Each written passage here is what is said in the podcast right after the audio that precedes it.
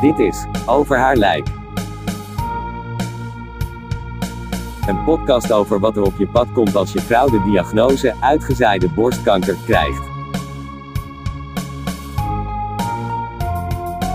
Sebastiaan Paap neemt je mee op een eerlijke reis waarvan niemand weet waar en wanneer deze gaat eindigen. Dit is Over haar lijk.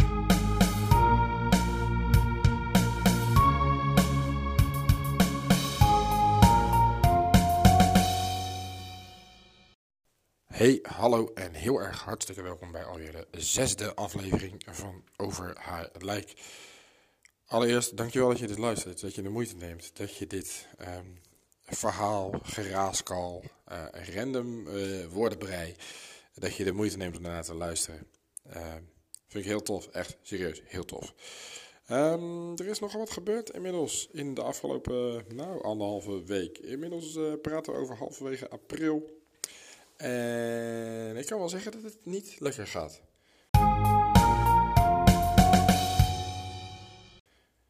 En dat is een, uh, denk ik een understatement. Um, zoals al eerder aangegeven in de vorige aflevering is mijn vrouw gestopt met de uh, immunotherapie. En dat, ja, dat resulteert in een uh, twijfelachtige situatie waarbij je niet zo goed weet uh, wat, wat, wat er ons nu te wachten staat. Wat staat haar te wachten, wat staat mij te wachten, wat staat ons als gezin, uh, onze kinderen, uh, wat staat ons allemaal te wachten. En dat weten ze niet zo goed. Wat ik wel weet is dat ik dit opneem op ehm, een vrijdag. Ja, het is vrijdag 16 april op het moment. en ik, ik moet dat eventjes voor mezelf een beetje duiden. Ik heb afgelopen week het idee gehad: oké, kak, weet je, immunotherapie gaan we toch niet meer doen. We zien het wel.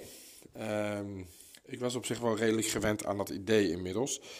Um, het ging niet goed met mijn vrouw. Laat ik dat wel zeggen. Zoals uh, drie, misschien vier uurtjes per dag uit bed. En uh, weinig energie. Uh, nog steeds wel last van die long, zeg maar. En dat is ook niet gek, hè, als er anderhalve liter vocht achter gezeten heeft. Dat moet allemaal goed op zijn plek komen, dus dat is niet raar. Um, maar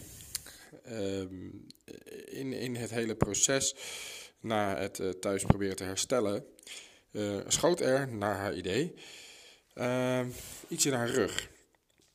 En ja, dat, dat is afgelopen, afgelopen week zo'n beetje geweest, dat idee.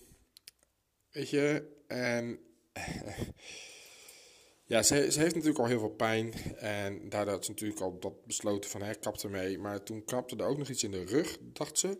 En eigenlijk alle bewegingen deden ineens pijn op dat moment. Op een, op een zij liggen was niet te doen. Zitten, staan, lopen, het was allemaal geen optie. En dat zitten en, en lopen, dat, dat ging al niet zo goed.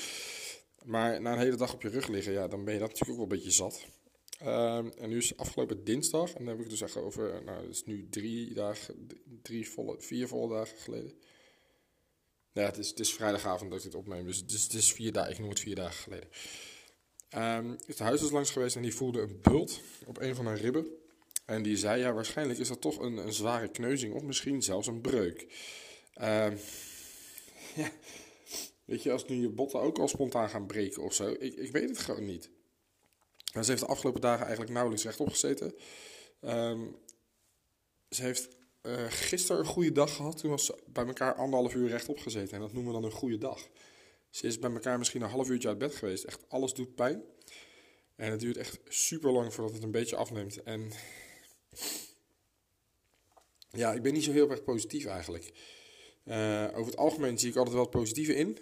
Maar ik heb daar vandaag heel veel moeite mee. En uh, ja, het is, het is een lastige situatie. Ik vind het heel moeilijk om, uh, om haar zo te zien. En eerder vanavond zei ze tegen me: Als deze pijn aanhoudt dit weekend, uh, dan, dan gaan we maar weer bellen. En dan maar weer ambulance. En dan spuiten ze maar plat. En ze heeft zelfs de, de, de term: Dan leggen ze me maar in een coma. Heeft ze laten vallen. Ik zie er per dag, per uur, per, nog net niet per minuut. Maar ik zie er zo hard achteruit gaan. Ik zei het van de week tegen een vriend van mij. Ze gaat, eh, als ik er zo zie, dan gaat ze het jaar niet volmaken. En we leven in april, dat betekent dat we nog acht maanden zouden moeten kunnen genieten. Maar in deze staat waarin ze nu verkeert, ze kan werkelijk helemaal niks. Ze heeft alleen maar heel veel pijn. het doet me zoveel verdriet en zoveel zeer om dat te zien. En ik kan niet. Ik kan niks. Het enige wat ik kan is er proberen te helpen om toch op hun zij te draaien. Wat, wat veel zeer doet. En wat ik verder kan is zorgen dat die, die vier apenkoppen van ons, dat die een beetje een, oké start hebben. En dat die een beetje liefde en, en aandacht krijgen. Waar ik ook al te vaak vind dat ik daarin tekort schiet. En het is gewoon echt. Ik vind het heel moeilijk. Ik vind het echt heel moeilijk om mijn aandacht te blijven verdelen. Om mijn hoofd weet je, op een rijtje te houden. En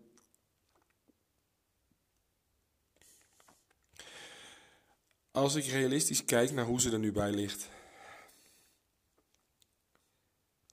Dan denk ik heel eerlijk dat ze haar 34e verjaardag aankomende juli niet gaat halen.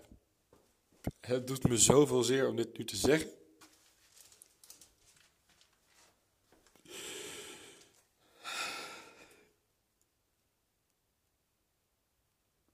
Maar ze heeft zoveel pijn.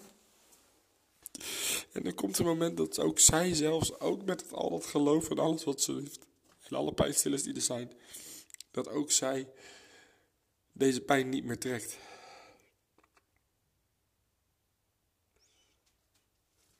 Ik hou verdomd veel van haar.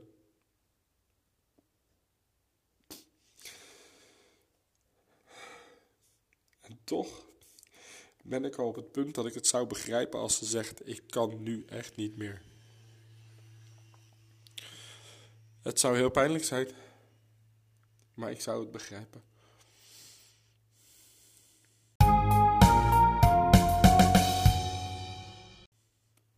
Ik hoop oprecht dat ik na dit weekend met een nieuwe update kan komen. En dat ik zeg: Oké, dat wat ik vrijdag zei, dat sloeg werkelijk nergens op. Ze is helemaal omgedraaid. Het is 180 graden gedraaid. Het gaat helemaal goed met haar. Ik hoop oprecht dat ik je die update na dit weekend zou kunnen geven.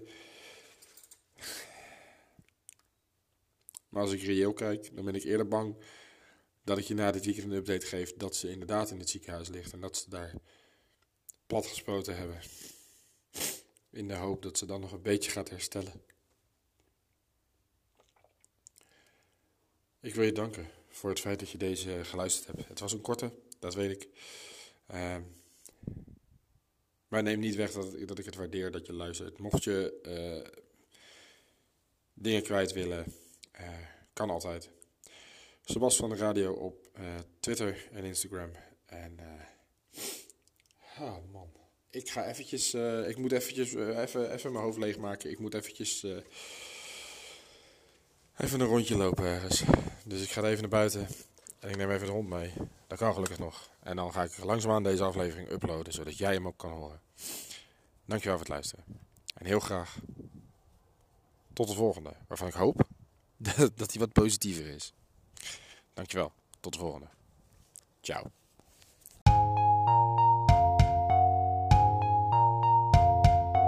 Bedankt voor het luisteren naar Over haar lijk. Vergeet niet te abonneren en volg Sebas van de Radio op Instagram en Twitter.